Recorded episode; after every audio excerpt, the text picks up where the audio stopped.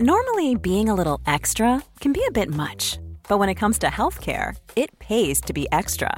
And United Healthcare makes it easy with Health Protector Guard fixed indemnity insurance plans. Underwritten by Golden Rule Insurance Company, they supplement your primary plan, helping you manage out of pocket costs without the usual requirements and restrictions like deductibles and enrollment periods. So when it comes to covering your medical bills, you can feel good about being a little extra. Visit uh1.com to find the Health Protector Guard plan for you.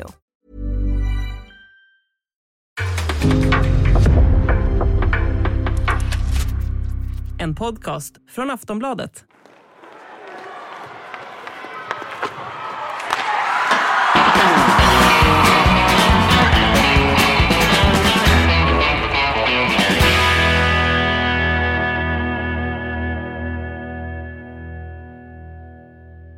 Måndag morgon igen och Hockeystudion är tillbaka efter en, eh, ja men kanske inte riktigt lika fullspäckad vecka men en omgång har vi ändå greppat tag i och sen ska vi dela ut lite jul-awards från Hockeystudion. Ehm, jag heter Julia Karlsson och med mig på länk har jag Thomas Ros och Hans Abrahamsson. Hur eh, mår vi ni? Ja men tack, det var bra Julia. Det måste jag säga. Eh, det är som du säger, det har gått lite på halvfart med eh, SHL-hockeyn den här veckan. Men det är ju väldigt tur att det alltid finns en massa annat att stoppa fingrarna i.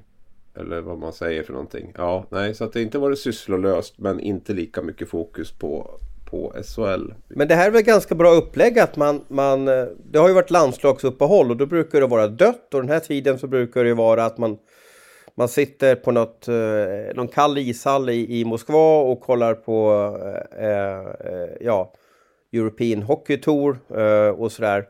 Men nu har man i alla fall haft en omgång i SHL under det här landslagsuppehållet. Jag hoppas att, man, hoppas att man kan hålla fast vid det. Jag vet det kanske var orättvist mot Örebro och, och Leksand saknar några spelare och sådär, men, men överlag så tycker jag att kör, kör i december. Det är, jag tycker det är en fantastisk hockeymånad. Eh, stäng inte ner tio dagar för att det ska spelas tre landskamper, tycker jag är onödigt.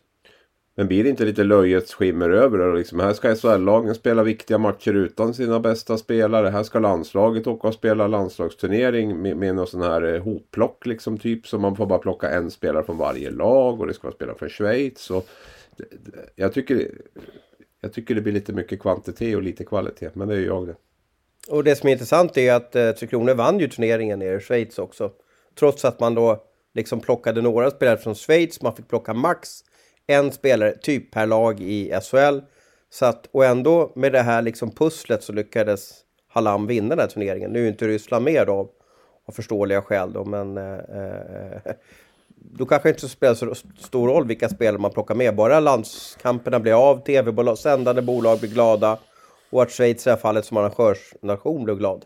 Men tror du inte det är en farlig väg då? Tror du inte att man liksom devalverar Tre Kronor-värdet? Vi åker och spelar och ingen gjort, bryr sig. har vi inte gjort det i många år då? eller Jo, egentligen? men är, det inte, är, det, är vägen då att man devalverar ännu mer eller är vägen att man försöker att och, och devalvera upp det? Lite grann, tänker jag då. Men, Ja. Men hur kan man devalvera upp det då? Hade du blivit mer glad om, om eh, vad ska man säga?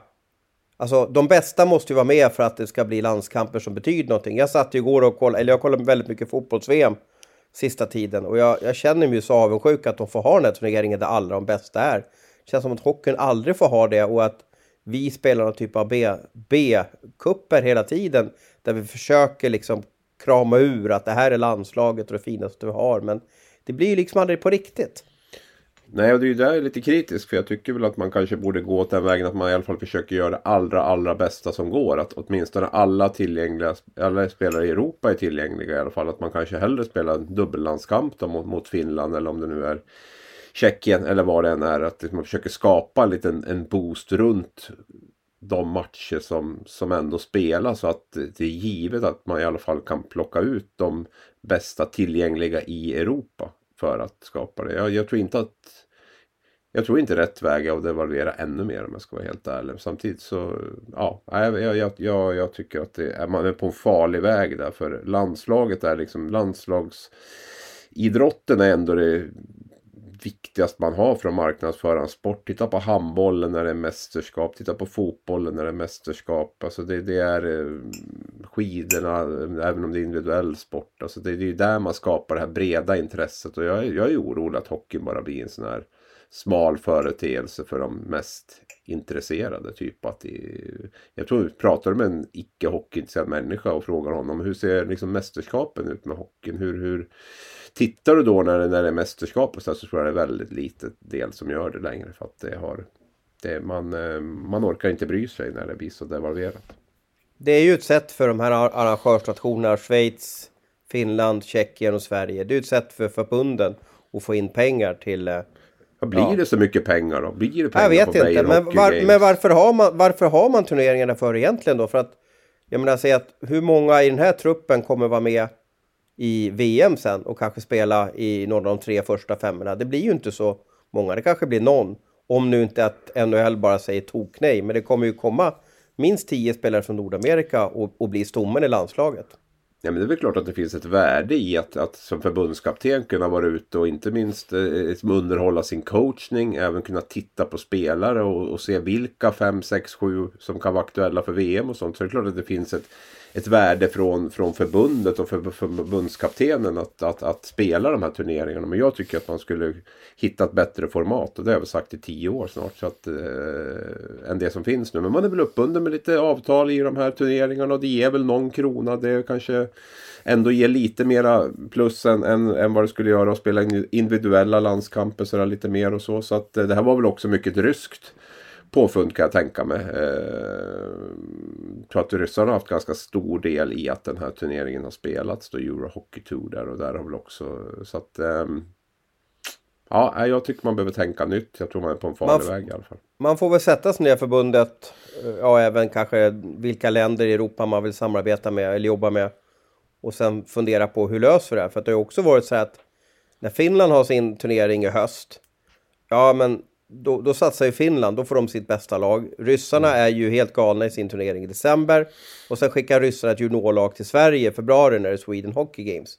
Det blir också lite att man, man det blir ju inte heller att det finns en turnering där alla lassar in för att alla fokuserar på sin egen hemmaturnering. Och det blir ju inte heller bra, då röstar man ju bara efter, efter klubbhjärtat eller efter eh, nationshjärtat också. Men eh, jag har ingen bra lösning på det heller. Jag tyckte det var jättekul ändå. Jag tyckte att det funkar med matcher i lördags och i söndags och i, när var det torsdags också. Trots att det var landskamper. Det var ju, man kunde ju flippa på tvn och, och välja om man vill kolla på Sörensen, Tre Kronor eller, eller eh, Rögle eller vad man vill kunna få kolla på. Mm, jag undrar vad hade Abris drömscenario varit när det gäller landslaget versus klubblagen?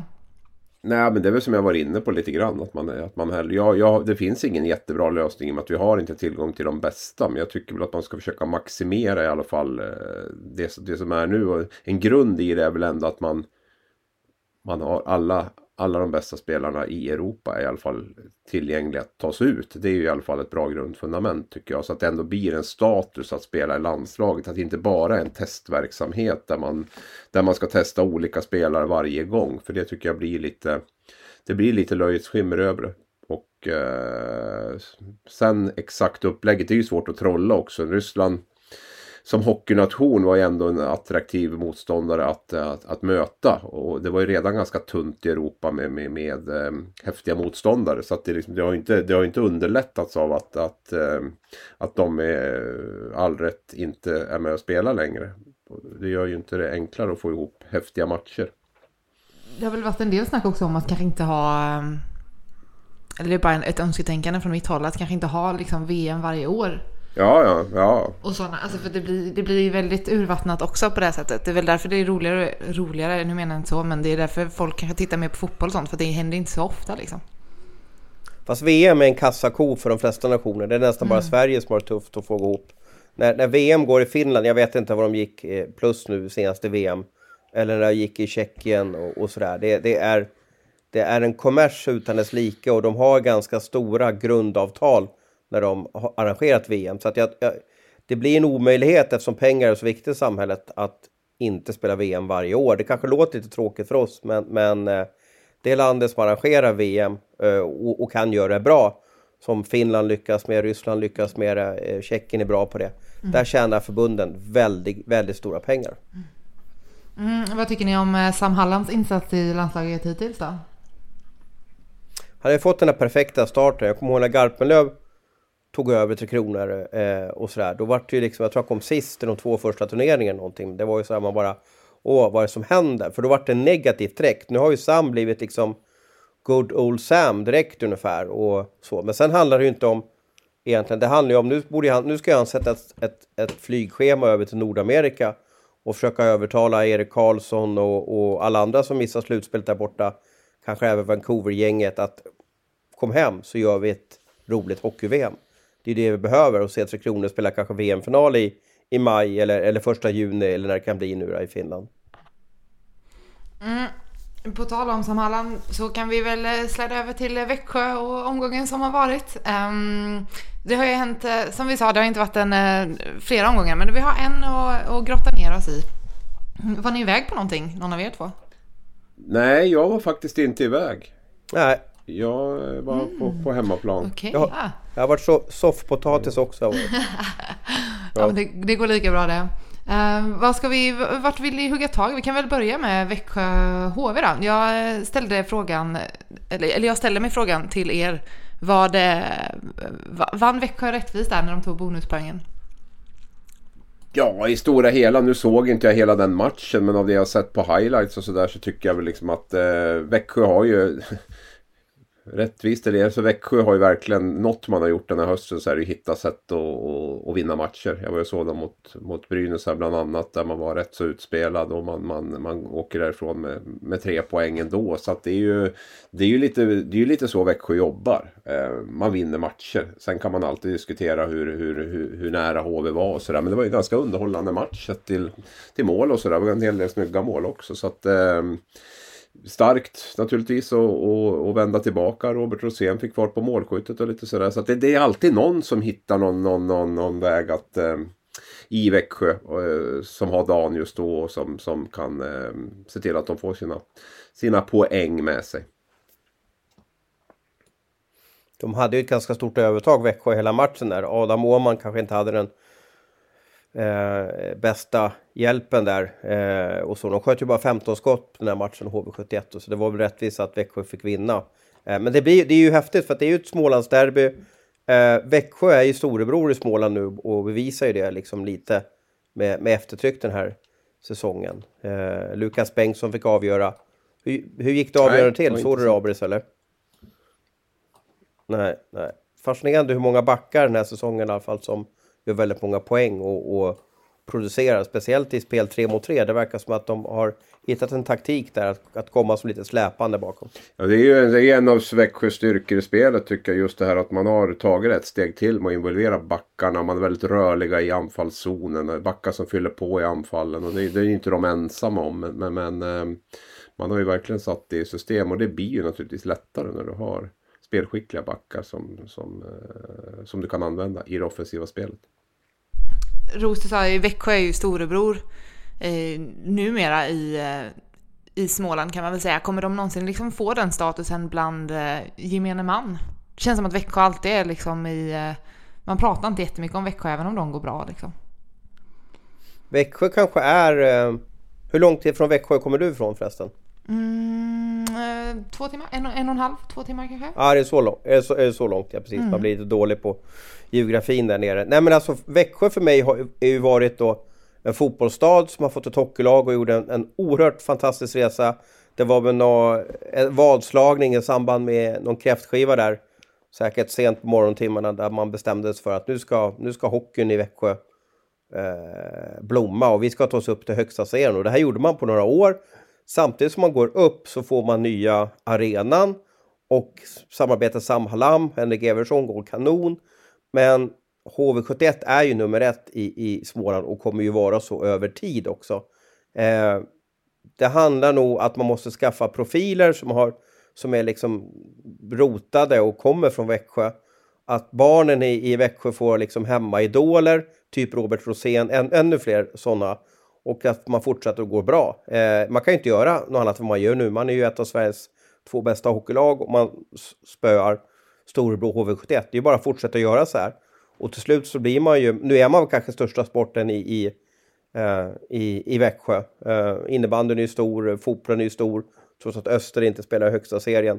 Men det är bara att fortsätta gnugga på och ha en bra juniorutveckling också så att man får liksom egna profiler som, som kan pryda affischerna på stan. Vad, vad tyckte du om eh, tifot då Thomas? Hann du med och se det? Det har varit en hel del reaktioner på, ja, på, men, på det. Jo, ja, en del säger, en del säger plast och sådär. Man har gjort en liten Jönssonliga där eh, på stora vepor på, på ståplats. Jag gillar ju sånt där. Jag, jag fastnar ju alltid, mina ögon blir alltid sådär. Men eh, alltså, det blir ju alltid någonting som Lakers gör, eh, Växjö Lakers då, att de kallas för fakers och plast och sådär. Men jag tycker att det var lite coolt. Och sen så gillar, de ju lekt med Jönssonligan då, eh, klassiska filmen då. Och Jörgen Jönsson hade väl olika Jönssonligor i Färjestad. Och nu har han ju liksom en trio där i båset som gör det väldigt bra. Nej, men jag tyckte det var coolt. Eller var, blir det inte så, Abris, att alltid något när Växjö gör någonting, då, då säger man plast. Ja, till viss del. Men alltså det här med att Jönssonligan, olika uppsättningar. Men är det inte för mig är det ju Nordström, Jönsson, Prästberg är Jönssonligan. Liksom. Det, är ju, det är ju nästan så här, vad heter det? Mm, kulturmärkt i, okay. min, i min värld. Det, det är varumärkt. Du känner inte så? Nej, ja, men eh, lite så. jag smålog lite åt i alla fall. Jag tyckte att det var lite coolt gjort. Så kände jag.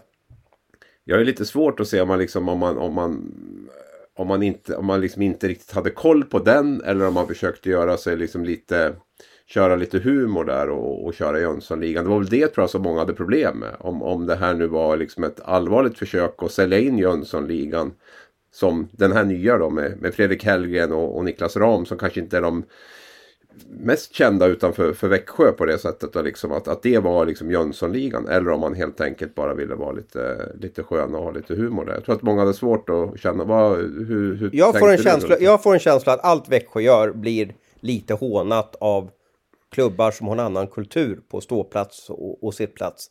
Eh, kommer man till Växjö, det har ju varit många gånger, det är räkbomber uppe på, på loungeplanerna, det är liksom lite hotellstuk när man går runt där. Det, det är en hockeyarena som, som sticker ut och vänder sig till, till en annorlunda hockeypublik. De har en ståplats som är engagerade i, i line-up och, och sådär, men man har också, man ser på sina kunder eller hockeygäster på ett annat sätt som man inte ser i, i Stockholm eller Luleå eller, eller, eller Färjestad eller Frölunda. Det, det är lite mer VIP i Växjö, det är lite, lite övre Känns det som där. Och det kanske många har lite svårt för. Så jag tycker jag bara kul när man försöker. Jag, jag har inga problem med att man lånar ordet Jönssonligan. Det är, Jörgen Jönsson har gjort någonting väldigt bra där i Växjö och då kan man väl hylla honom och låna lite det där klassiska uttrycket. Och Jönssonligan egentligen, om ni kan er historik med, med, med filmerna där, så var ju de väldigt många olika konstellationer också. Dynamit-Harry var väl i alla fall två stycken olika eh, eh personer som spelade. Eh, och sådär. Så att då, Jönssonligan behöver ju inte bara vara samma personer hela tiden.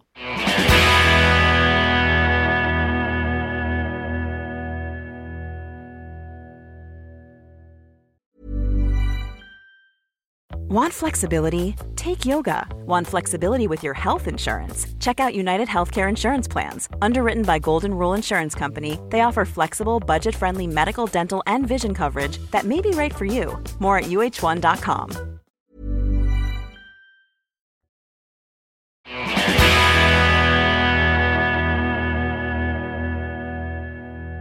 Vi kan gå vidare lite till um, de som hade en eh, riktigt bra vecka förra veckan var ju Rögle. Um, de har ju tagit sig ur liksom värsta krisstämpeln nu skulle jag säga. Eh, vad säger ni? Ja, men enda laget som spelade två matcher förra veckan och eh, tog två segrar och fortsatte vara starkt på hemmaplan efter en liten, liten minidipp där. När jag hyllade dem som mest med deras hemmaspel så blev det givetvis en dipp. Men nu, nu hittar de ju hemmaspåret igen. Och nej, men Rögle har ju, har ju haft en bra vecka, absolut. Och det känns väl som att det um, börjar hända lite grejer där. Jag tycker väl att de ser mer harmoniskt ut framför allt. Eh, det som sticker ut mest från, från matchen mot Frölunda igår är väl ändå Cam Abbotts eh, häftiga coachklädsel i, i båset. Jag vet inte om ni, ni såg det. Han såg ut som en, en eh, från Sopranos typ eller något sånt här i eh, eh båset där. Med lite sån där gammal gangsterklädsel och, och basker och, och sån här fickur och grejer. Så det, var, det, det, tyckte jag var coolt. Rögle fyllde 90 år så det var lite sån här retro-variant där. Och mm. eh, passade man på Ja. Matchtröjorna, Peaky Blinders kan man kalla det lite för va? Ja. Eh, Ja, eh, jag tyckte matcherna var skitsnygga. Jag tror Rögle mådde bra av att få åka ur Champions Hockey League. Andas ut, få lite mer träningsdagar. Eh, fick en perfekt omstart, om man ska kalla det för, när man dunkade på Timrå ganska rejält. Och lite självförtroende, lite glädje och så vidare. Så att jag, jag, jag tror inte vi behöver oroa oss för att Rögle spelar något negativt kval i, i, i, i vår. Nej, det kommer de inte att göra. Sen vet jag inte om det kommer att räcka liksom att man blir det här topp top 4 eller topp 6-laget. Det, det, det, vet jag inte än. Men det, det, har jag inte fått riktigt svar på än från, från Rögle var man, var man står någonstans. Men jag har fem segrar nu på de åtta senaste så att det är ju ett lag i, i rätt bra balans. Och då förlorar man väl Skellefteå och Växjö har jag för mig bland de här åtta också som, som de flesta förlorar mot. Så att det, Adam Tambellini vaknar till igen. Spelar på en kant numera och det syns ju ganska tydligt att, det, att han trivs bättre där. Eh, och så. Så att det är ju lite, nej, det, det känns lite mera lite mer harmoniskt där. Och det är nog viktigt också att Cam Abbott hittar en balans i sitt ledarskap tror jag. Jag vet att det var problematik första hösten när han hade dem att det var lite för lite för burdust eh, och lite så och jag känner att han inte riktigt har varit i balans. Han har varit pressad den här hösten för att han har känt att han inte får ihop laget riktigt och att han inte kanske har haft ett tillräckligt bra lag heller så att eh, det har blivit frustration som har gått ut över eh, över fokus tror jag och uh, att fokusera på det han ska göra. Men ah, det känns lite försiktigt som det är på, på, på rätt väg i Ängelholm. Mm. Mm, om vi um, stannar till där vid uh, torsdagsmatchen som var. Mm, ja, vi har ju, uh, jag tycker det är lite kul för vi har ändå hyllat Timrå ganska mycket i podden hittills. Att de är kul att titta på, lite så underdog favoritlag nästan. Um, de är dock inte riktigt på topp just nu Timrå. Det har gått ganska kast för dem på senaste. Vad, vad har det vänt lite där? Ja, det är väl jag som har hyllat dem mest va. Så att det är väl... Um... Ja, det är du ja, Jag vill inte peka ut nej, någon bara. Nej, du, är, du är väldigt så diplomatisk där. Nej, men det är ju... Jag har ju stått och gjort vågen här lite stundtals i podden och, och i diverse paneler och sådär. Så att... Um, och det skulle jag väl inte ha gjort då. För nu är det väl... Nu har det väl vänt lite grann. Nej, men det är väl så att det är väl... De flesta lag har ju svackor under säsong. Och det är klart att Timrå eh, har väl kanske gått lite över, eller har gått över förväntan. Och eh, nu kommer det en liten dipp och det blir i och för sig inget konstigt, konstigt med det. Men det är klart att man har inte råd med för, för djupa dippar om man ska vara med och slåss om topp 6-platser. Och det är väl Timrås utmaning nu att försöka hitta tillbaka till, till eh, vinnarspår. Jag tycker det är många som eh, det är ju, många av de här toppspelarna har inte levererat nu på slutet. Dahlén, Lander, Emil Pettersson och så vidare. Det har ju varit ganska, man skjuter ju väldigt lite inne i sektorn också. Jag var inne och tittade på det och det är bara HV som skjuter färre skott. Så man har ju inte skapat jättemycket heller. Eh, inte släppt in vansinnigt mycket mål, 17 mål på de här fem matcherna. Men man gör ju man gör väldigt lite. Man har snittat under två mål per, eller strax över två mål per match. Och då blir det svårt att vinna. Så att de behöver få fart igen i spelet. Få fart igen på offensiven. Och eh, lite bättre målvaktsspel också. Det var det jag försökte komma till. Att man har ju Rautso och, och Jakob Johansson där. Och, och eh, Rautso som jag har förstått det blir väl inte kvar nästa år. Eh, och börjar ju också bli till på ålderns höst.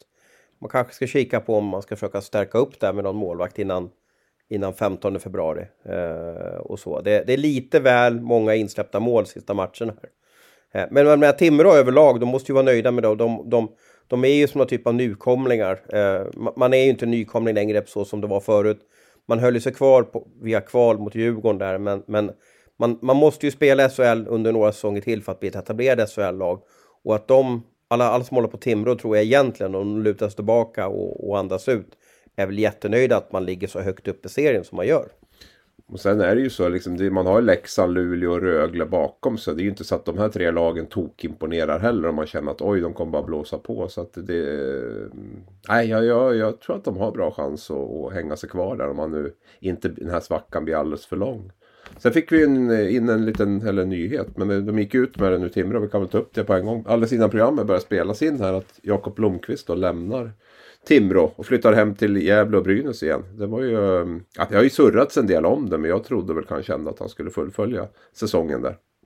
Vi vet väl inte lite, vi vet ju inte riktigt om det är familjeskäl eller om det är sportsliga skäl eller om det är en önskan från, från Jacke att få komma hem. Eller man, vet ju inte riktigt vad som ligger bakom ännu i alla fall. Jag har inte lyckats sätta mig in i det i alla fall.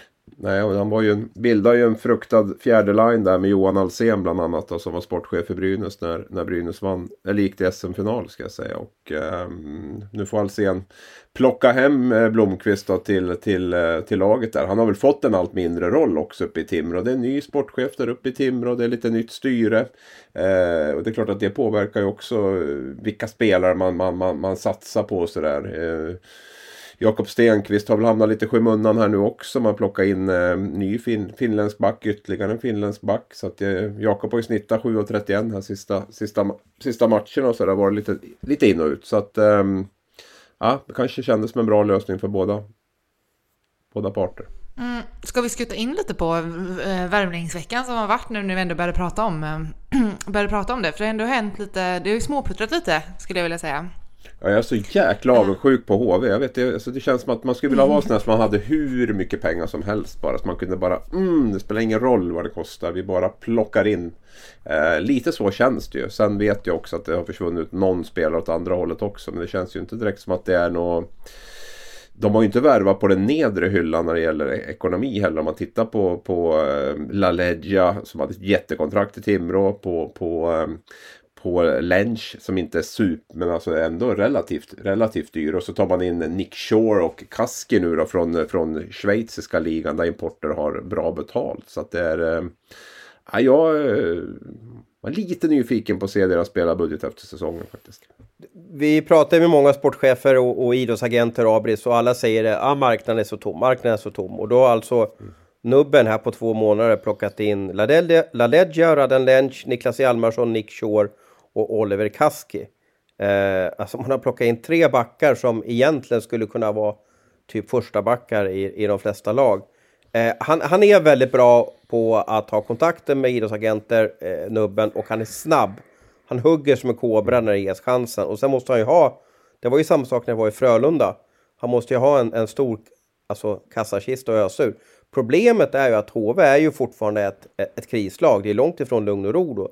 Och skulle man åka ur eller hamna i ett negativt kval när man har gjort allt det här, när man har det här, ja, superlaget kanske är fel benämning då blir ju fallet stort. För då har man ju på något sätt man har haft alla verktyg men inte fått i spiken. Det, då är det ju något jättefel i det hela. Alltså skulle Oskarshamn hamna i negativt kval så fattar man ju lite det. För det är ju på något sätt ett, ett lag som inte hunnit bli SHL-etablerade och kanske inte alls har den här plånboken som Nubben har. Då blir det ju svårare att konkurrera om spelare. Men, men, men HV har ju precis allt som finns men ändå inte få ihop det. Nej, och sen... Det brukar ju inte vara någon framgångsformel att trycka in en massa, massa nya spelare. Till viss del behöver man kanske förändra laget lite grann. Jag minns ju när de åkte ur där också den säsongen med allt de här de plockade in då. Det var Matt Donovan och det var den här Jordan Murray och det var Ilomäki från, från Luleå. Man tog in Ryan Stoa som, som knappt orkade åka skridskor och, och sådana saker. Det var ju inte så, så att det vart liksom det blev ju inte så mycket bättre. Men, men det är klart, värvar man tillräckligt med, med, med spets så kanske man ändå blir ett bättre lag. Jag tror HV känner att den här säsongen får det kosta vad det kosta vill. Vi ska bara vara kvar i, i SHL. Och, um, man måste ju som sagt, eh, ja det är imponerande på, på den marknaden och, och, och få loss de spelarna. Men, men det är som du säger, mycket pengar och snabb, snabba beslutsvägar tror jag ligger bakom att de, eh, att de, att de har kommit dit de har gjort. Kaski är för mig också en, en eh, alltså jätteförstärkning. Han spelade ju storlaget Omsk, gick otroligt långt i slutspelet här för något år. Där han dunkade in 34 och 33 poäng. Uh, ja, som back då, de här två säsongerna i, i, i, eh, i KHL. Och nu, jag kan gissa att väldigt många lag, ja, i Tyskland, i Schweiz, kanske även i KHL, i Finland och i Sverige vill jag ha honom.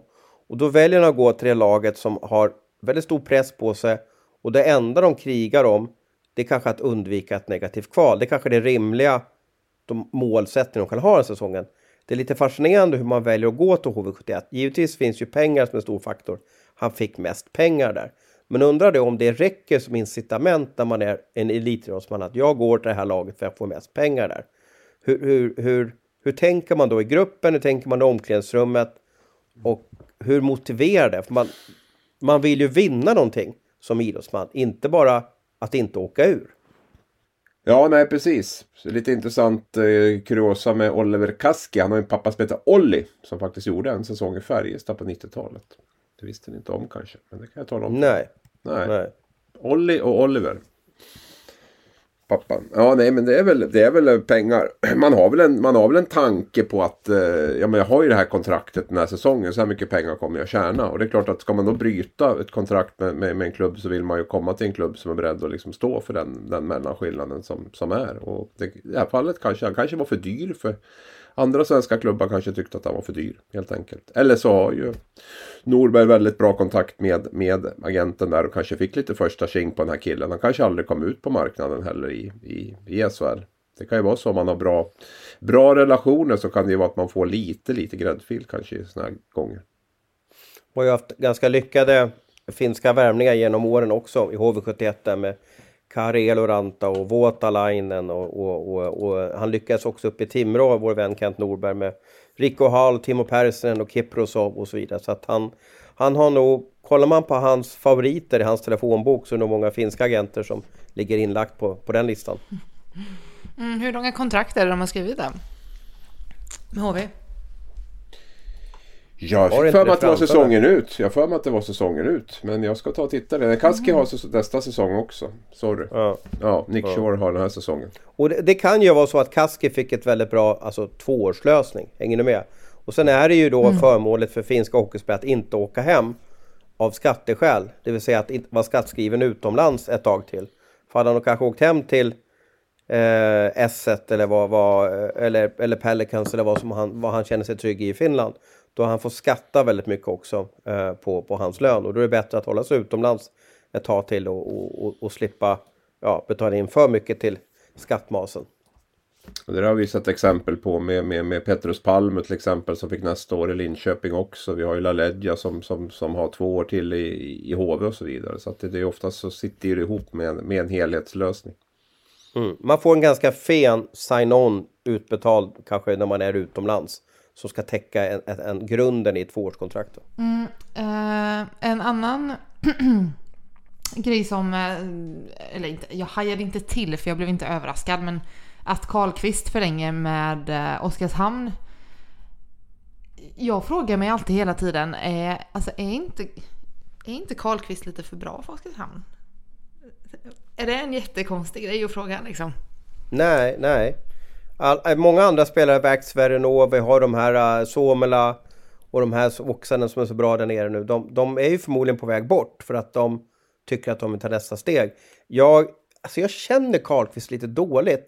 Men jag, jag, kan, jag får en känsla av, och det är bara min känsla, att han, han är väldigt tacksam för att han fått den här. Han, hans hockeykarriär har gått från att varit väldigt bra i Hockeyallsvenskan, levererat i Modo, till att bli en SHL-stjärna. Och det är ju på grund av att Oskarshamn har trott på honom. Filander har spelat honom som man ska spela Patrik Karlqvist. Och jag, känner, jag kan nog få en känsla att han känner sig en tacksamhetsskuld till Oskarshamn. Att nej, men ni, har, ni har sett till att jag kommit hit idag.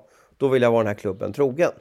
Eh, sen fick han ju väldigt bra lösning och väldigt bra värde på kontraktet.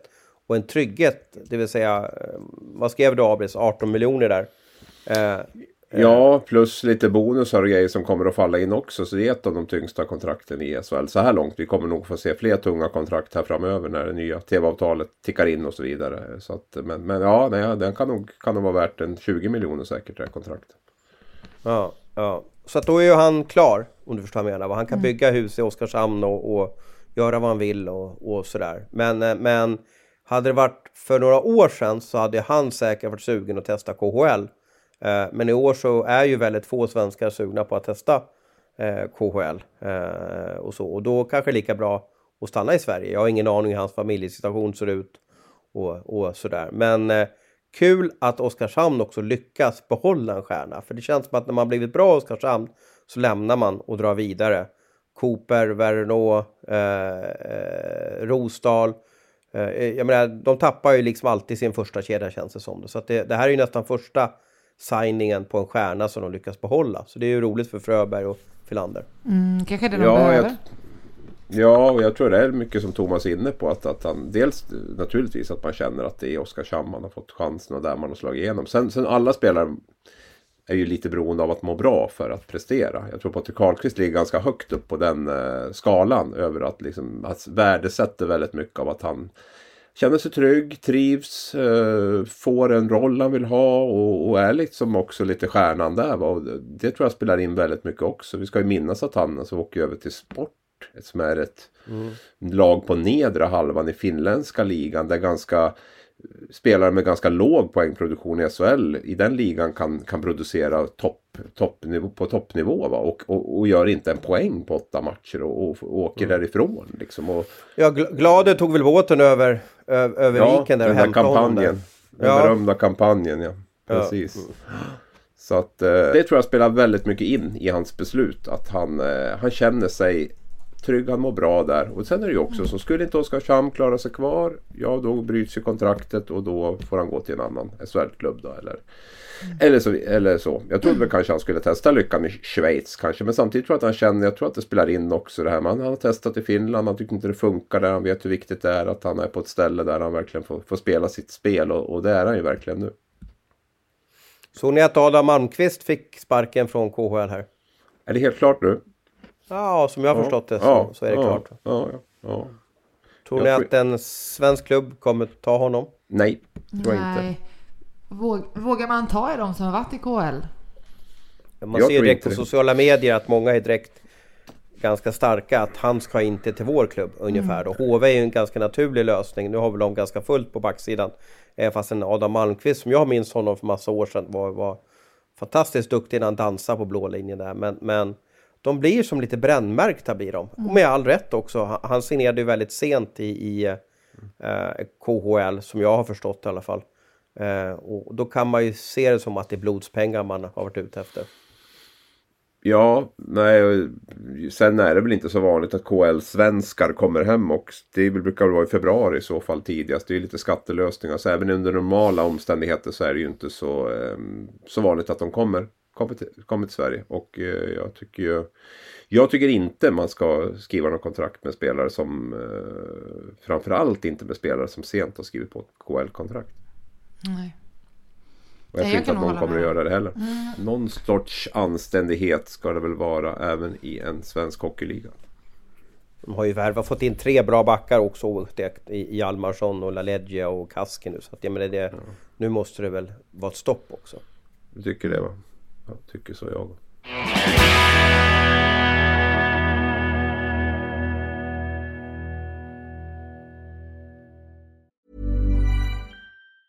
When your skin feels nourished and glows, you radiate confidence. Osea makes giving your skin a glow up easy with their clean, clinically proven Mega Moisture Duo. This seaweed powered duo features two of Osea's best sellers, Undaria Algae Body Oil and Undaria Collagen Body Lotion. Glow from the inside out. Get 10% off your first order with code GLOW at OseaMalibu.com. That's O S E A Malibu.com code GLOW.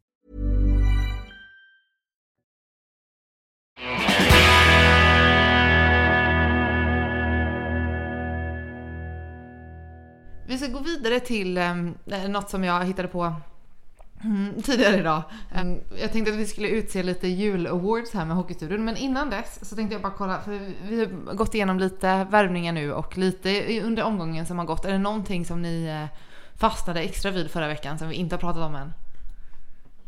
Det är ju HV71 som bara kör, men det har vi ju redan gått igenom. Och, och eh, jag tror att många tittar på HV71 också och tycker att ah, rätt åt dem om de skulle falla dit igen nu när de har öst ut så mycket pengar på, på spelare och skickar Davidssons till Tappara, eh, Elvenäs ut från laget och så vidare. Man, man, man kör ju bara, man, man rockar ju bara, man rockar loss totalt som jag har, har, det var länge sedan jag såg ett lag göra det, men det är att man har bestämt sig till vilket pris och vad som än krävs, vi ska hålla oss kvar. Mm. Nej, och vad det värvningar det handlar om så det är ju Axel Rindell blir ju lite spännande att se i Timrå. Spelskicklig back. Så får vi se vad den här Kevin Roy. Säger man Kevin Roy Thomas eller säger man Kevin Roy? Roy är väl från fransk, eh, ja. fran, fransk, franska delen av Kanada. Men jag och spelaruttal, jag, jag har ju så svårt för nummer 21 i Leksand där. Ni får hjälpa mig, hur heter han? Vad heter han? Nej, säg först det då. Kom Nej, igen. Men nu, nu låser John, sig för mig. John, John, John. John Keenwell. Quenville. Quenville. Quenville. Quenville, Quenville. tror Ja. jag. Jag börjar säga Q, börjar jag säga. Det får räcka. Mr Q. Det tycker jag räcker. Jag, jag, gjorde- jag gjorde en spaning med honom förresten, Mr Q där. Eh, Jag tror att han, ha- han kommer vara kvar i Leksand en längre tid. Han var faktiskt och köpte massvis med ved från granngården i Leksand här. Eh, och det innebär ju att han har några, inte har några planer på att lämna Leksand på ett tag i alla fall. För han måste, han måste elda upp veden. Ja verkligen, köper man ved och det är, ja. Det, Alltså- man, jag trodde att man beställde ved från någon sån här när man bodde i Leksand typ. Men man Nej, box, han gick, ja och det var väldigt dyr ved så jag, jag, jag tänkte jag skulle ge en råd. Det finns andra ställen man kan köpa ved på. Men, Ja. men han, eh, han gick och köpte småsäckar för väldigt många kronor. Eh, och det var ganska många säckar också så att då tänkte jag på att han vill ha värme och han har inga planer på att flytta just nu i alla fall. Ja, en bra Det- spaning. Det är exakt Ja. sådana här spaningar som vi vill ha känner jag. Vedspaningar från Leksand. Okej, men då eh, inga ord där om Kevin Roy. Det var ingenting annat ni ville säga? Jag har gjort en del poäng i, jag har gjort en del poäng i AHL. Sen är man väl alltid lite fundersam på, på, på, på spelare som inte har spelat under, under hela hösten. Eh, och det är väl Brynäs också i och med att man skriver tre, tre matcher tror jag han ska spela. Någonting som provkontrakt till att börja med. Så det blir ju blir intressant där att se vad de har för, em, för garanti på att få förlänga med honom om man gör det bra. Tänk om man skulle göra jättesuccé här i tre matcher. Och så kommer Växjö och bara säger fan den där killen kan ju spela hockey. Vi, vi, vi, tar han liksom och bjuder över han. Då har Brynäs liksom tagit hit han och bjudit upp han. Men det kan finnas en sån. Det, det är möjligt att de har någon första kink på honom om det om de vill eh, fortsätta i, om man vill fortsätta i SHL. Är det inte jättetufft att komma till SHL nu? Alla är igång, var, alltså varva. eh, Det är stor rink. Hur sjutton sk- och han ska han kunna leverera? Vi såg ju hur Louis Eriksson såg ut och, och sådär. Det är inte lätt att bara kliva in i SHL och leverera. Nej, jag håller med dig. Jag håller med dig. Men, eh, Jag har sett Marek Rivik, ni har sett hur han ser ut hela hösten. Alltså det, det, det krävs mycket för att få, få tryggheten och komma in i, i kugghjulen i SHL.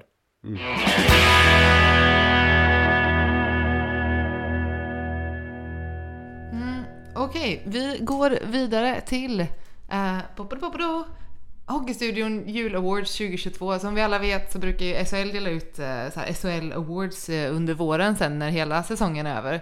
Men jag tänkte att vi gör ett litet mellanstopp här nu inför jul och ehm, ja, men delar ut lite, eh, lite awards, lite julklappar till, till spelarna. De som förtjänar det. de som förtjänade. Vi hade kunnat göra en flop awards också. Det hade varit lite on-brand för den här podden egentligen. Men vi, det kan vi ju spara i så fall till nästa. till Ja, vi körde ju år. floppfemman förra veckan så att det får väl räcka med elakheterna nu när det, är- när det är jul. Va? Mm, det, är det tänker jag också. Vi är snälla nu, det är jul, vi pratar bra saker. Ehm, men jag tänker vi kan väl börja att eh, dela ut årets uh, målvakt. Vi börjar längst bak tänker jag. Jag vet inte vem som vill hugga, ni får välja. Nej men jag kan väl börja där och det är väl, eh, jag vet inte om vi ska prata om det senare, men Joel Lassinantti där tog sin 45 nolla här. Eh, och och eh, blev lika stor som Stefan Liv då, den, den legendariska målvakten. Som alltid finns med oss på något sätt.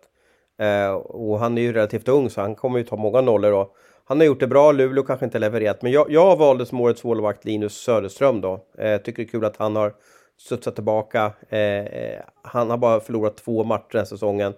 Kanske inte spelar lika många matcher som en del andra. Men gör det bra i en vinstmaskin. Ja, nej, jag, jag kan bara instämma. Jag hade precis samma namn, samma motivering och samma ord om, om Lassinantti egentligen. Så att det, det, det är där med 11, stått 13 matcher, vunnit 11 av dem. Eh, säger ju en hel del. 95 i räddningsprocent. Jag tycker sättet han spelar på har ju varit också otroligt imponerande. Så att för mig är han... Nu får Lassinantti tyvärr stå tillbaka den här gången då. Men, men eh, nej, jag håller med Thomas till 100. Om vi rör oss vidare i laget till årets back då? Thomas kan få börja där också.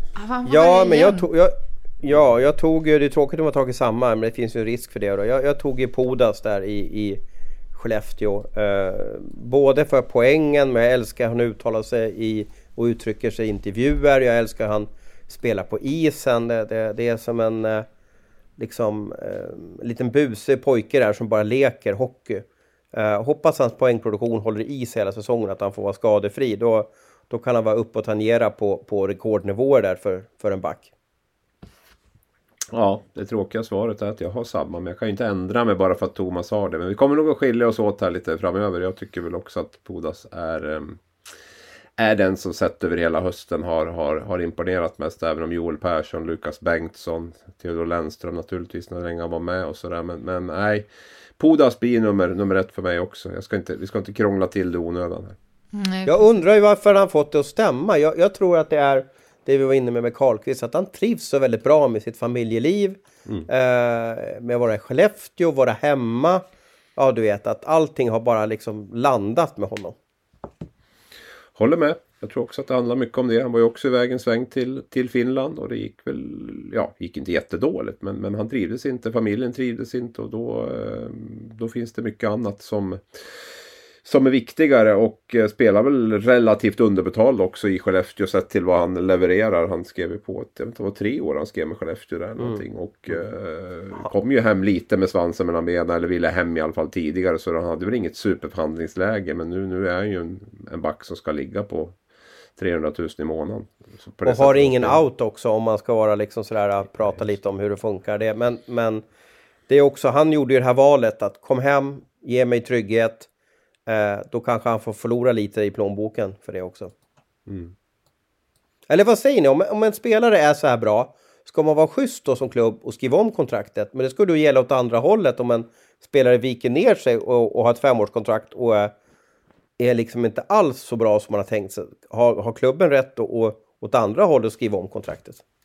Jag tänker väl att man skulle kunna förlänga kontraktet och så sätt gradera upp det. Att får, vi, kan, vi kan vara beredda att höja din lön nu de här två säsongerna som är kvar. Men då vill vi också att du skriver på för ytterligare två år. Eh, man gör en sån lösning då. Att, att gradera upp det bara så här rakt av det är ju inte bara bara. Då skulle man ju kunna, som du säger, då kan man ju vända på det och säga att eh, då tar vi och sänker din lön på, på ditt nuvarande kontrakt för att du har inte presterat tillräckligt bra. Men att man kan göra en sån lösning kanske då att man eh, förlänger med två år till och graderar upp hans lön. Naturligtvis de två förlängningsåren men även att han får högre lön de, de här två åren som han har kvar också. Jag kommer ihåg Mats Kihlström och nu pratar vi ju Hedenhös här och, och ursäkta om ni som lyssnar på det här eh, inte har så här, kanske jättekoll på honom. Eh, Du kommer ihåg Kilas va, eh, Abris? Oh ja, nummer fem. Ja, Väldigt ja. skicklig högerfattad back som spelar Brynäs där ett tag. Och Södertälje. Ja, och han gjorde ju en monsterförlängning, jag tror det var med Södertälje, och fick upp sin lön. Men det här var under de här åren när det bara briserade och bara liksom blev fyrverkeri när det handlade om spelarlönerna. Så att år ett så var han ju extremt bra betalt och var väldigt nöjd med det. Men sen så bara skenade lönerna så att resten av det här kontraktet så var han bara mediokert betald. Och han, det här var ju en av de bästa backarna vi hade. Han var given i landslaget och, och sådär. Så det kan ju hända väldigt mycket på lönesidan också. Och det tror jag Podas är fallet. Vi, vi håller på lite med att kolla lite tv-budgetar och, och, och sådär. Det kommer ju hända väldigt mycket framöver. Så att skriver man ett längre kontrakt med SHL nu så måste man ha koll på att lönerna kan skena framöver. Så är det. Och Kihlström var vänsterfattad så det är lika bra säga det så att jag får halva, halva Mogårds Hammar efter mig. Han var skicklig back. Jag, jag tänkte till Jätteduktig. Han har ju en son också som spelar i SHL många år, Lukas Kihlström. Snart, om, vi sit, om vi sitter om tio år kommer vi säga att han har en sonson som spelar i SHL också. Någonting sånt där. Så gamla Säkert. börjar vi bli. Ja, Ja. det är risk för det. Och vi går vidare till årets forward då. Jag tyckte att den, får jag, får jag börja och raljera lite eller, eller diskutera Kör! den? Bara Ja. kör! Det är bara att köra. Jag, jag, jag tycker ju årets forward är väldigt svår. Eh, Oskarshamn har ju en del forwards som poängmässigt sticker ut. De har ju lyckats igen få en väldigt framgångsrik eh, första kedja. Men, men det är ju lite svårt det där att, att, att utse Oksanen, Karlqvist och Suomela med tanke på att laget just nu ligger näst sist om jag har tabellen framför mig. Eh, så därför kan jag inte riktigt ta dem. Jag, jag har faktiskt tagit Oskar Möller och det är på grund av hans målproduktion och att han liksom har han har väl aldrig vikit ner sig något år, men, men jag tror han är uppe i 16 målträffar eller fullträffar och ganska många game winning goal den här säsongen. Och därför tar jag honom som årets forward. Håller du med nu då denna får jag gången väl- i frågan? Nej, men jag, jag Nej, måste... nu, vet- jag vet ju vem du kommer ta. Du tjatar ju om, om samma kille uppe i Timrå hela tiden där. Jaha, nej Lander får faktiskt steppa upp lite till. Nu tycker jag inte han kommer vara så bra på slutet heller. Nej, jag kommer, nej, men jag kommer köra på Suomela ändå. Alltså han kan ju inte hjälpa att, att han har dåliga lagkompisar. Det tycker jag blir fel. Ehm, hade alla levererat som han så hade de ju legat högre upp. Så att, eh, nej, Det var, jag som, det, tycker- var som, det var som Christer Abrahamsson sa en gång inför match. Kom igen nu grabbar, de har också en dålig målvakt. Ja. Det lät som det lite. Precis, lite psykologiskt sådär för sin Ja. egen målvakt. Mm. Ja, precis. En klassiker. Skjut mycket grabbar, de har också en dålig målvakt. Mm. Eh, nej men Somela är skön. Alltså det, det, det, det han har gjort och det sättet han har. Jag tycker att han är ju dels en vass målskytt men en fantastisk passningsläggare inte minst. Han har en sån skön rytm tycker jag i sitt spel. Det ser så enkelt ut och han har sån hockeysens och eh, känsla i, i, i allt han gör. Så att eh, det är min höstens forward faktiskt. Det är synd att inte Oskarshamn får behålla honom också för att eh, jösses som han har spelat. Alltså. Men det är ju det som är nackdelen för Oskarshamn. När, när Cooper eller Renault de här gör det lite för bra. De ska ju egentligen ha spelare som gör okej, inte för bra. För då tappar de dem och så måste de hitta nya guldkorn hela tiden. Och det är det... Eh, de har ju hittat bra första femman men bakom det så har de kanske inte liksom superlyckats med värvningarna. Nej, och samtidigt tror jag en sån spelare som så, men hade han varit i Frölunda eller Färjestad vet sjutton om inte blivit Schweiz ändå i och med att de har, de har ju lite mer pengar att lägga på toppspelarna. Och eh, skatte, skattesituationen ser lite annorlunda ut också. Så att jag tror det hade varit svårt att behålla en sån spelare oavsett klubb. Nu har de ju fått behålla poängliga tvåan med Karlqvist här så att de har ju ändå gjort det. Okej, men jag vet vad du menar. De här bättre de här spelarna som inte är riktigt lika bra som Somela, som andra SHL-klubbar rycker i, de har de ju svårt att, att få behålla. Ja men titta som eh, Växjö det här året. Vi ser att de skulle vinna SM-guld. Alltså de skulle ju inte tappa sitt lag för de har ju liksom lagom bra spelare på många platser. Mm. Ja men så är det ju. Men de har ju liksom tappat Ja, när de vann med Elias Pettersson så försvann ju han och Pontus Holmberg försvann till NHL och sådär också. Så att de, de, de tappar ju spelare åt, åt, åt det hållet. Men eh, ja. Vi, var i alla fall, vi hade i alla fall olika kandidater här. Mm, det, är ändå, det är spännande ändå när ni har det. Vi ska se om ni har det på nästa som är årets, eh, årets rookie. Vi sparar MVP till, sin, till nästa. Men vad säger du om årets rookie? Alltså jag, jag blir inte den lite konstig? När, när, nu säger vi liksom då att Somela liksom är kanske en av de bättre spelarna i SHL och han är ju då ny i SHL men kan inte vinna årets rookie. Jag, jag tycker att det blir lite snett. Uh, det finns ju liksom ett reglement där man får inte spela 30 matcher i en proffsliga eller vad det är för något. Du måste ha en viss... Får max vara 25 år tror jag och sådär. Det gör ju att många av de här som man kan tycka är årets nykomling i SHL aldrig kan få vinna den då. Och jag hade jättesvårt att ta ut en vinnare här. Men jag, jag tog till slut Filip Bystedt då. Mm. Linköping. Mm. Ska spela JVM här nu. Ja, nej men han har gjort, gjort en del poäng faktiskt. Eh, Men håller du inte med mig Abris att Ja. kan man inte, kan inte, kan inte, kan inte Suomen eller Oksanen få vinna det här priset? Alltså ha chans att kunna vinna det här priset? Jo, För då, då är det så här, Alltså, årets rookie... men du har väl samma, du har väl samma i NHL kanske? Ja, det är väl en åldersgräns i alla fall. Ja, men, man ja, men man struntar i att han har spelat 200 matcher i Sverige. Ja, Ja. men du har ju en ålders, åldersgräns i alla fall på, på uppåt där. Som, som Ja. att ja. Nej men visst, det, det skulle väl kunna vara öppet för, för flera på det sättet då. Men det, man måste ju sätta en gräns någonstans också så att det inte kan bli så här Typ så här Niklas Hjalmar som blir årets rookie. Det blir också konstigt liksom. Nu har han spelat i SHL tidigare. Men, men alltså i princip skulle det kunna bli en 34-åring då som kommer att bli årets rookie. Det är klart någonstans lär man ju sätta gränsen. Sen kan man väl alltid prata om var gränsen ska gå och vilka som ska involveras. Om det ska vara utländska spelare, svenska spelare eller vad det kan vara. Men... Nej men det var ingen självklar kandidat. Jag är ju lite svag för Adam Engström i Rögle faktiskt. Jag tycker att hans backspel har varit eh, häftigt att följa här under under, under hösten. Det var väl ingen sån här värvning när han kom från Djurgården där som man tänkte att oj nu har ju Rögle värvat han liksom. Utan det var, man tänkte kanske I20 på honom mestadels. Men, men han har ju verkligen tagit för sig där. Jag tycker han har ett, ett driv i sitt spel. Framåtlutat. Det är liksom, han är skicklig. Det, det, det är härligt att följa honom. Det ska bli jättekul att se honom i JVM här också. Larmi är precis, han är 26 år. Så han faller väl för åldersstrecket också, och att han har spelat olika proffsligor innan dess då. För annars har ju, han har gjort en, eh, eh, han har gjort det bra i Växjö den här säsongen. Ja, lite speciellt pris det där, men, men, eh, och jag, men jag har ingen riktigt bra lösning. Man kanske ska ha årets junior och det finns väl också. Och sen årets nykomling, whatsoever kanske. Det är inte en jättedum idé. Han har rätt bra idéer ibland. vet. Nej men ibland så överraskar han bara helt plötsligt där bortifrån. Mm, mm. Jag, hade- jag hade ju någon idé för några år sedan att jag, jag tyckte att man skulle spela fyra mot fyra i SHL, eller testa det i alla fall. Eller testa det en säsong under en J20-säsong. Hänger med? Jag tror att det skulle bli roligare spel då. Men det, det var ju många. Sen hade ju Mike Hellberg en idé som jag också lanserade. Det var att, man, att domarna inte skulle vara på isen utan domarna skulle sitta på läktaren och döma så att de inte är i vägen så mycket. Och sen har man liksom typ någon bara som släpper pucken på isen. Vad tror ni om den, tror ni om den lösningen? Jag tänker spontant att det skulle bli svårt om de inte är så nära situationerna och... Eller ha en drönare som släpper pucken bara. Hänger ni med Ja. liksom sådär? Ja, vad, vad säger du liten, Boris? sån där liten klo, ja sån där liten klo Mm. va, som typ bara med en drönare med en klo som bara släpper pucken däremellan. Ja, problemet blir att då, då, då slåss de ju tills ja, de ligger ner. För då är det ju ingen som kan bryta slagsmål. Nej. Vi skulle också slippa all den här diskussionen om ifall man ska få matchstraff direkt om man var på domare eller vad det var vi hade förra veckan. Ja, ja, för då kan ju storebror bedöma liksom alla tyngre grejer på isen. Det kanske är någon som viftar till drönaren där så får de, eh, blir de avstängda för det. Ja, precis, precis. Kly, klyver drönaren med klubban. Ja, precis. Ja, Det är svårt att revolutionera hockeyn. Den, den, det är ju fem mot fem och det är liksom det är de här zonerna och så vidare. Det är svårt att, att hitta på någonting som kan göra att det blir så mycket bättre. Mm. Om vi går vidare till eh, årets MVP då.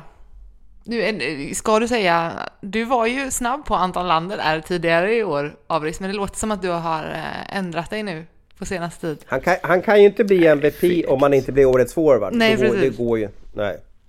Ja, man kan väl vara, man kan väl vara viktig på det sättet alltså ändå på ett sätt. Det skulle jag nog kunna sänka. Men jag, nej, men jag har faktiskt gått ifrån det lite grann. Men jag tror att landet kommer nog att vara det ändå i slutet på säsongen. Men eh, just nu så, jag, jag, den här är lite konstig kanske. Men jag, jag skulle faktiskt sätta Theodor Lennström där.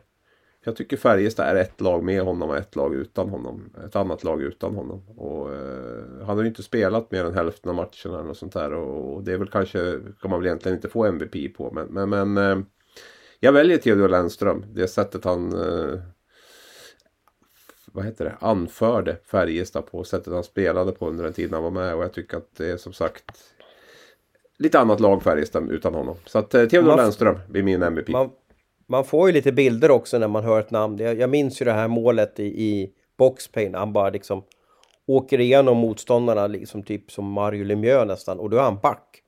Och sådär och sätter sig snyggt. Det, det är så få som kan göra det så att vi behöver honom tillbaka. Lite oroväckande att han varit borta så länge men nu är det väl det är väl inte så långt till det är dags för en comeback om jag förstått då. Eh, jag tog Linus Söderström. Eh, jag tycker målvakter ofta kan bli MVP på grund av att de det är ju den här klyschan att de är 50% av laget. Eh, han måste ju då bevisa och hålla i den här säsongen att han ska vara första målvakt i Skellefteå och fortsätta leverera. Men, men har man bara förlorat två matcher och har spelat halva serien, då har man gjort någonting väldigt bra. Ja, och jag tog ju olika på back då. Man kunde inte göra så egentligen då. Men jag gjorde så då. Att Pu- Pudas blir bästa back och en annan back blir MVP då. Men jag motiverar ju det som jag har sagt med, med att ehm, jag tycker att han spelade stor roll för, för Färjestad.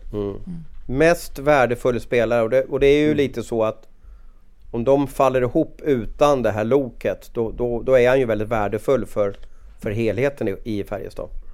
Precis. Mm, skulle det också, skulle också hans mål vara uppe som eh, höstens mål? Jag har satt upp det eh, som, som, som höstens mål. Det sa jag väl redan då och eh, det står jag fast vid i alla fall då. Även om jag tog bort Lander som MVP just nu då. Så, så det har jag väl också basunerat ut. Va? Men, men, men årets mål var ju redan gjort sa jag då när jag gjorde det. Så att, ja, nej, det ändrar jag inte på. Det var, det var magi på hög nivå. Vi har, en, vi har en kategori kvar där innan vi kan gå in på de här äh, bonusgrejerna va? Ja, det är sant. Det är sant. Årets- Förlåt, jag hoppade lite framför. Vi har årets tränare såklart. Vill du ta den då, Ros?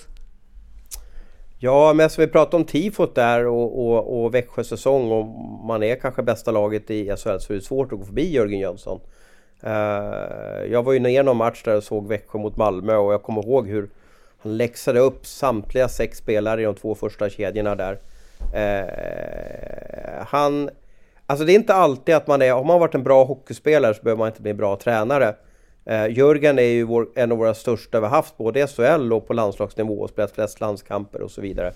Men han har en ork och vilja att även leverera som tränare och jag tror att han är väldigt noggrann. Eh, eh, det har blivit väldigt perfekt det som har hänt i, i, i Växjö med honom och kanske bra också att han inte är i Karlstad. det kanske är bra att han får växa och, och bygga sitt ledarskap liksom utanför ja, där han är som, liksom, ja, där han hänger i taket. Ungefär. Så Jörgen är mitt namn som årets tränare. Ja, det är väl eh, svårt att komma runt Jörgen på det sättet. Jag skulle vilja lyfta fram Niklas Eriksson också faktiskt. Som, som, som har ett Örebro på fjärde plats just nu. Han har haft en väldigt stökig höst där han liksom... Ja, klubben vill inte förlänga helt enkelt med honom. Han har jobbat under väldigt konstiga förutsättningar. Han har haft mycket skador i Örebro. Jag tycker den staben där med, med Stefan Nyman, Niklas Eriksson och Termell då, eh, har gjort eh, fått ut otroligt mycket av, av eh, det lag Örebro har faktiskt. Ehm, så att ehm, jag kan väl liksom lägga några ord för Niklas då men, men, men eh, det är väl det är ju Jörgen det han har gjort. Det är inte så att Växjö hade ett sånt här dream team på pappret som alla sa skulle bli etta och sådär utan det var många som trodde att Växjö skulle falla neråt och Sam Hallam eh, borta och hur kommer det att påverka. Så det, den, den eh, prestationen han har gjort med det här laget under hösten är ju superimponerande och jag tror att han har en väldigt bra vad ska jag säga, bra distans till hockeyn också. Det känns som att han är otroligt seriös med det han gör men han kan också eh, släppa det och, och liksom garva lite grann ibland. Och så jag tror det är en förutsättning om man ska orka i den här världen. Att man inte är påkopplad hela tiden utan att man eh, har den här på och av-knappen. Han jobbade ju några år med oss där på, när han jobbade för Radiosporten på mm. Hockey-VM och jag tyckte han var så oerhört avslappnad ja. hela tiden. Det var, det ja. var jag imponerad av honom. Ja, det är precis så jag upplever då. Jag tror att, det, jag tror att han var väldigt pressad där i Färjestad när han blev sportchef där. Det tror jag inte var något, passade något bra. Men sen när han fick ta steget ut där, bli expert. Jag tror han fick en helt annan distans till det. Och jag har behållit lite av det där nu när han har tagit, kom in i hockeyvärlden igen. När han har varit, ja han har ju varit 6-7 år nu som tränare. Eh, så det, det, det, tror jag är en jätteviktig egenskap för honom. Att, att, eh, som gör också att han kan vara jäkligt bra och påkopplad när han väl, när han väl är det. Eh, vi går vidare till bonusgrejerna då. Då har vi ju årets mål som vi var inne på där redan, Abris. Du har ju sagt ditt där. Ja, jag är klar. Mm. Mm. Ros, vill du hoppa ja, in? Ja, årets, årets mål. Det här är väl kanske årets framspelning, men jag, jag mm jag såg i live där när Mark Rivik då klackade fram pucken till sig själv och i en och samma rörelser passade till, till eh, eh, Carter Ashton då, som satte pucken i öppet mål. Eh, det var i, de spelade ju Leksand, kommer inte ihåg vilka de mötte. Men den framspelningen, den flög över hela världen.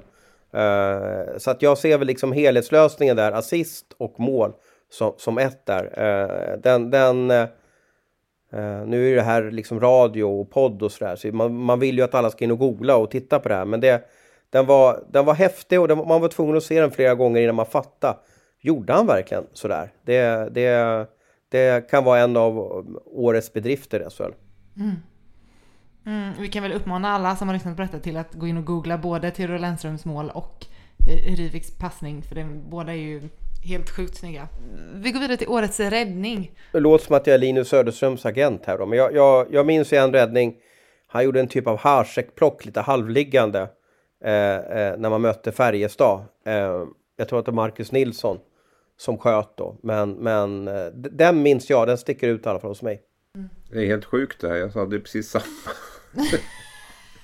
Årets räddning. Linus Ström på Marcus Nilsson. Slänger sig som en fotbollsmålvakt. Räddar ja. bortre stolpen. Ja, den, den, den, ja, men då måste det ju vara den, eller hur? Ja, om, om, ja eller om eller, vi har gjort dålig eller, research på det där. Eller har dåligt minne. Eller har sett fel matcher eller någonting. Men det eller var, ja. två blinda höns som leder varandra. Ja, Nej, ja det var snygg i alla fall. Det kan ingen ta ifrån oss. Så att det var, sen, kan, sen kan man alltid bedöma om det var någon som var vassare och sådär. Jag vet jag såg Anders Lindbäck gjorde någon monsterräddning också i, i det som hette Gavlerinken tidigare. Um, men nej, jag, fastnade för den där med Söderström. Den var, den var häftig. Mm. Mm, och sen har jag lagt till en liten bonuskategori här som är årets match. Hittills. Om det varit någon match som ni kände, det här har varit liksom... Mm. Men för att det ska vara en årets match för mig så måste det nästan vara en lördagsmatch. Det måste vara fullsatt. Eh, det kanske aldrig kan bli en årets match mellan Oskarshamn och Timrå. Om ni förstår hur jag tänker. Utan du måste ha något storlag, du måste ha stjärnor med på isen. Och jag minns att Färjestad dunkade på Frölunda ganska rejält Skandinavium på en lördag. Jag tror det blev 7-3 eller något sånt där. Och en, en, en tokförbannad Roger Rönnberg. Det är också liksom en ingrediens som jag har med i liksom en årets match, att det är mycket känslor. Mm. Så jag tar den matchen. Var det då han drog den där eh, storyn på presskonferensen med Johan Rylander där på, på GP? Om Ja, hur det handlade ja, om han laddat upp för fest och så drog man någon folköl och så blev det bara tokigt allting. Ja, jag tror det. Jag, jag Ja, tror det. Hoppas, känns- hoppas Rylander landar i den bra och så vidare. För den kan vara lite svårt att, att ta kanske. Men, men han menar väl på det att det var, det var tokladd och sen vart det liksom en pissljummen, byxljummen folköl kanske. Ja, jag har ingen riktig så här match som jag har fastnat för så jag tänker att den bästa har jag framför mig. Faktiskt. Men den, den, den var ju häftig på sitt sätt där i, i, i Färjestad. Frö, Frölunda-Färjestad. Väldigt poetiskt Har av inte, dig. du, var, har, har inte du varit på någon match där Brynäs har vikt ner sig fullständigt liksom? Eller? Någon sån där 0-5 eller 0? Någon sån där, eller? Det, det låter inte som Brynäs som vickar ner sig fullständigt va? Gör det det? Nej, det kanske jag har gjort. Jag vet inte om förlorade så här mot Oskarshamn hemma med 1-5 och HV hemma 2-5 och sånt där tror jag. Men det var inget så som man tyckte att det var någon så bra match. Det var ju mer det var Tim, här- Timrå hade ju någon utklassning som, man, ma- som stack ut också där. De ledde med Mm. typ 5-0 efter en period eller någonting. eller det Ja, var två 7-0 perioder. mot Malmö, 7-0 mot Malmö Ja, hade de ju där. ja. Sen var Det- det ju det lite resultat- speciellt. Speciellt med Växjös 7-0 mot Luleå också där va? Eller vad det stod efter två perioder i alla fall. Men det är en sån match blir ju aldrig, alltså den, den rockar ju inte riktigt för den blir ju så, den är ju, den är ju slut efter några minuter. Man kan ju lika gärna gå hem. Ja. Eh, det, det ska ju vara lite jämnt också och, och, och lite känslor och sådär. Men det var det ju inte i Skandinavien visserligen då. När Färjestad Nej, jag kommer, kommer inte ihåg exakt hur målen Sju. kom där. 7-3 blev det i alla fall till slut va? Ja, Jag vet inte om det var i tredje perioden och öppen kasse där eller vad men, men jag har en känsla att det var lite fyrverkeri i alla fall länge i den matchen. Mm, och det var um, alla awards som vi hade att dela ut. Jag hade en sista grej innan vi ska stänga ner. Vi har ändå hållit på ett tag nu hörni. Tiden flyger iväg känner jag. Eh, och det var om ni, om ni ville dela ut en julklapp till något lag. Vet inte om det här kategorin kommer flyga just nu, men vi får se.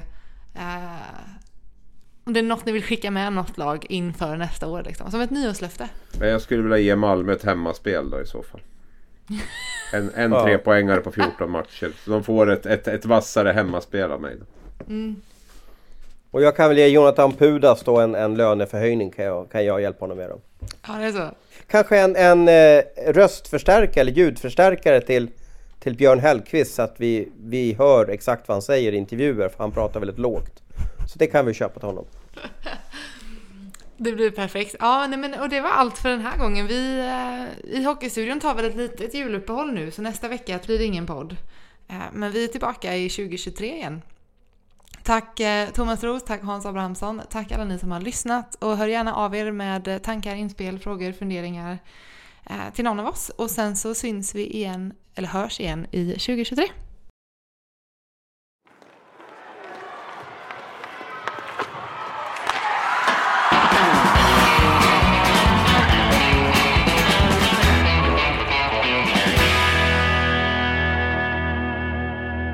Du har lyssnat på en podcast från Aftonbladet.